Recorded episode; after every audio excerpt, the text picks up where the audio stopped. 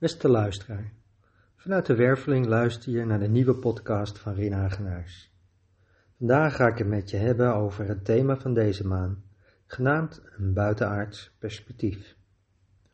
Oude mensen zouden vanaf vandaag zeggen, de erg zit weer in de maand. Het is september. Tijd voor vitamines of een lepel levertraan. Niet dat veel mensen dan nog begrijpen wat ik bedoel. Maar denk maar zoiets als tijd voor je nieuwe vaccinatie. Oude wijn in nieuwe zakken en over het nut kon je toen al je vragen stellen. Maar het maakt niet uit. We hadden een heerlijke zomer met een eindeloze reeks aan vrije dagen, zomer, zon, reizen en festivals. Kortom, ik heb ervan genoten. En met enige weermoed beleef ik de Indian Summer nadagen. Gelukkig gaan wij over een paar weken alweer op reis naar Frankrijk. Wie het nieuws een beetje heeft gevolgd in de afgelopen maanden, zal zich daarover wellicht hebben verwonderd. Mij maakte het vooral nieuwsgierig en het past mooi bij mijn thema van vandaag.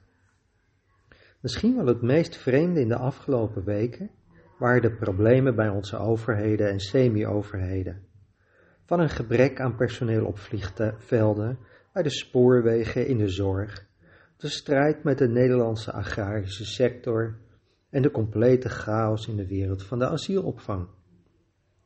Wie van buiten naar de aarde zou kijken, zou zich afvragen wat er in bestuurlijk Nederland in hemelsnaam aan de hand is. Het lijkt wel of er niets meer normaal kan functioneren. Even wat getallen. In 2021 kwamen er in Nederland zo'n 35.000 vluchtelingen binnen.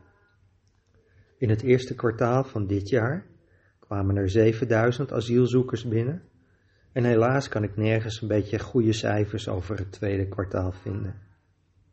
Wist je hoeveel mensen dit jaar het festival Lowlands hebben bezocht? 60.000 mensen.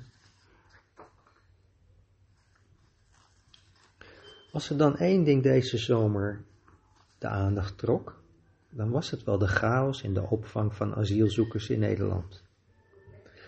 Maar wie zich realiseert dat we op een beetje Nederlands festival in staat zijn om vanuit het niets drie dagen lang 60.000 bezoekers te huisvesten, wat meer is dan twee keer het totale aantal nieuwe asielaanvragen van vorig jaar, kan zich afvragen wat er bij de overheid gebeurt. Eten, drinken, verblijf, medische ondersteuning, vermaak, alles is op Lowlands drie dagen lang geregeld. Dan moeten we toch in staat zijn om zo'n klein beetje asielzoekers met gemak een comfortabel verblijf te bieden. Er is dus iets anders aan de hand. Nog een mooi voorbeeld, Schiphol. Als er nu één organisatie tijdens de pandemie waanzinnig veel overheidssteun heeft gekregen, dan was het Schiphol wel. Maar wie deze zomer geprobeerd heeft om met een vliegtuig op vakantie te gaan, heeft zelf kunnen ervaren wat daarmee is gebeurd. Het lijkt wel of Schiphol niet meer functioneert. Nou, nog één voorbeeld dan, omdat het zo fascinerend is. Onze spoorwegen. Eindeloze hoeveelheid problemen van treinuitval door te weinig personeel en stakingen. Laten mensen keer op keer worstelen om hun bestemming te bereiken. Ook hier een semi-overheidsorganisatie, uitgebreid gesteund en toch akelig in de problemen. Kortom, wie deze zomer toevallig in zijn ufootje voorbij kwam vliegen, kon wel eens verbaasd aan zijn baard hebben getrokken bij een blik op het Nederlandse landschap. Er is iets gaande. En dat heeft misschien wel alles te maken met de realm van deze periode. Een realm verbonden met de maan in het teken van buitenaardse. Maar wat betekent dat dan? In de realm van de ET's, de Warriors of Time noemen wij ze ook wel eens, gaat het om de kracht van verbinding. Centraal is het Timus chakra en het gaat hier over mensen die reizen door het universum. Wist je dat deze laag de eerstvolgende laag in ons bewustzijn is, die volgt naar de laag van het hart? En in mijn vorige lezingen heb je al kunnen horen over het belang van de modus van het hart. In de modus van het hart staat het vanuit onvoorwaardelijke liefde met elkaar om kunnen gaan centraal, met onszelf en met elkaar. In de volgende laag maken we vanuit onze individuele vrijheid verbinding met de wereld om ons heen. Kortom, in de laag van de aliens of de buitenaardse of noem ze wat je wil, gaat het om individuele vrijheid die op een liefdevolle wijze in verbinding wordt gebracht met de omgeving.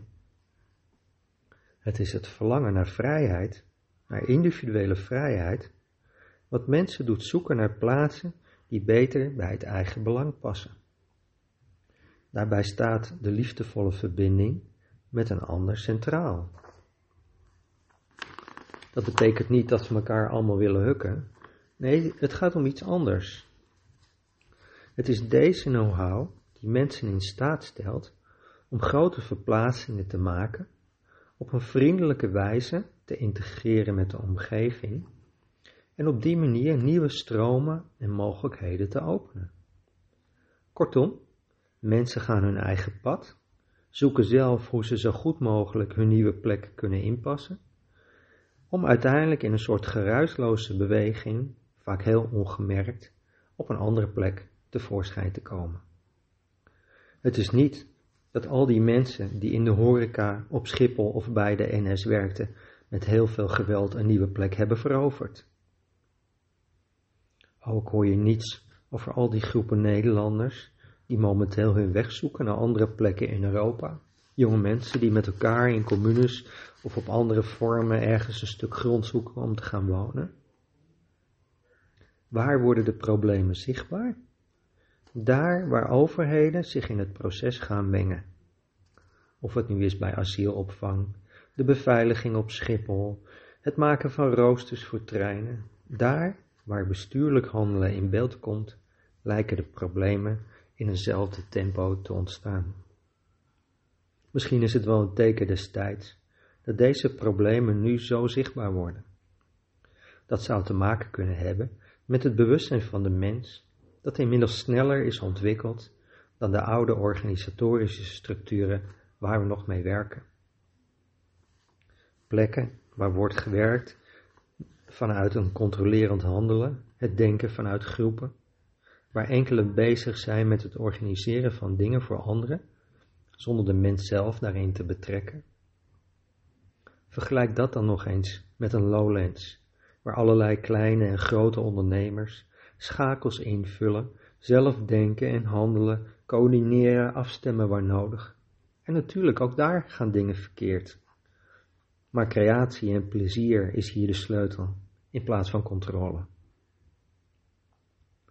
De grote zoektocht van deze tijd is niet hoe de problemen die zich aandienen te voorkomen.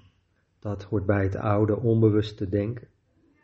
De grote vraag van deze tijd is het realiseren van nieuwe vormen die de mens in deze tijd kan faciliteren. En de nieuwe mens van deze tijd is individueel, kiest voor vrijheid, kiest voor het hart, kiest voor in verbinding zijn met zijn of haar omgeving. En dat was bij een veel groter perspectief. Want wie s'nachts vanuit zijn UFO naar de aarde kijkt, kan wel zien dat de planeet langzaam volloopt. Overal zie je lichtjes. Het zal voor deze IT geen verrassing zijn dat de mensheid binnen niet al te lange tijd het universum in gaat trekken. En dan gaan de problemen die we nu in het klein op aarde ervaren zich herhalen.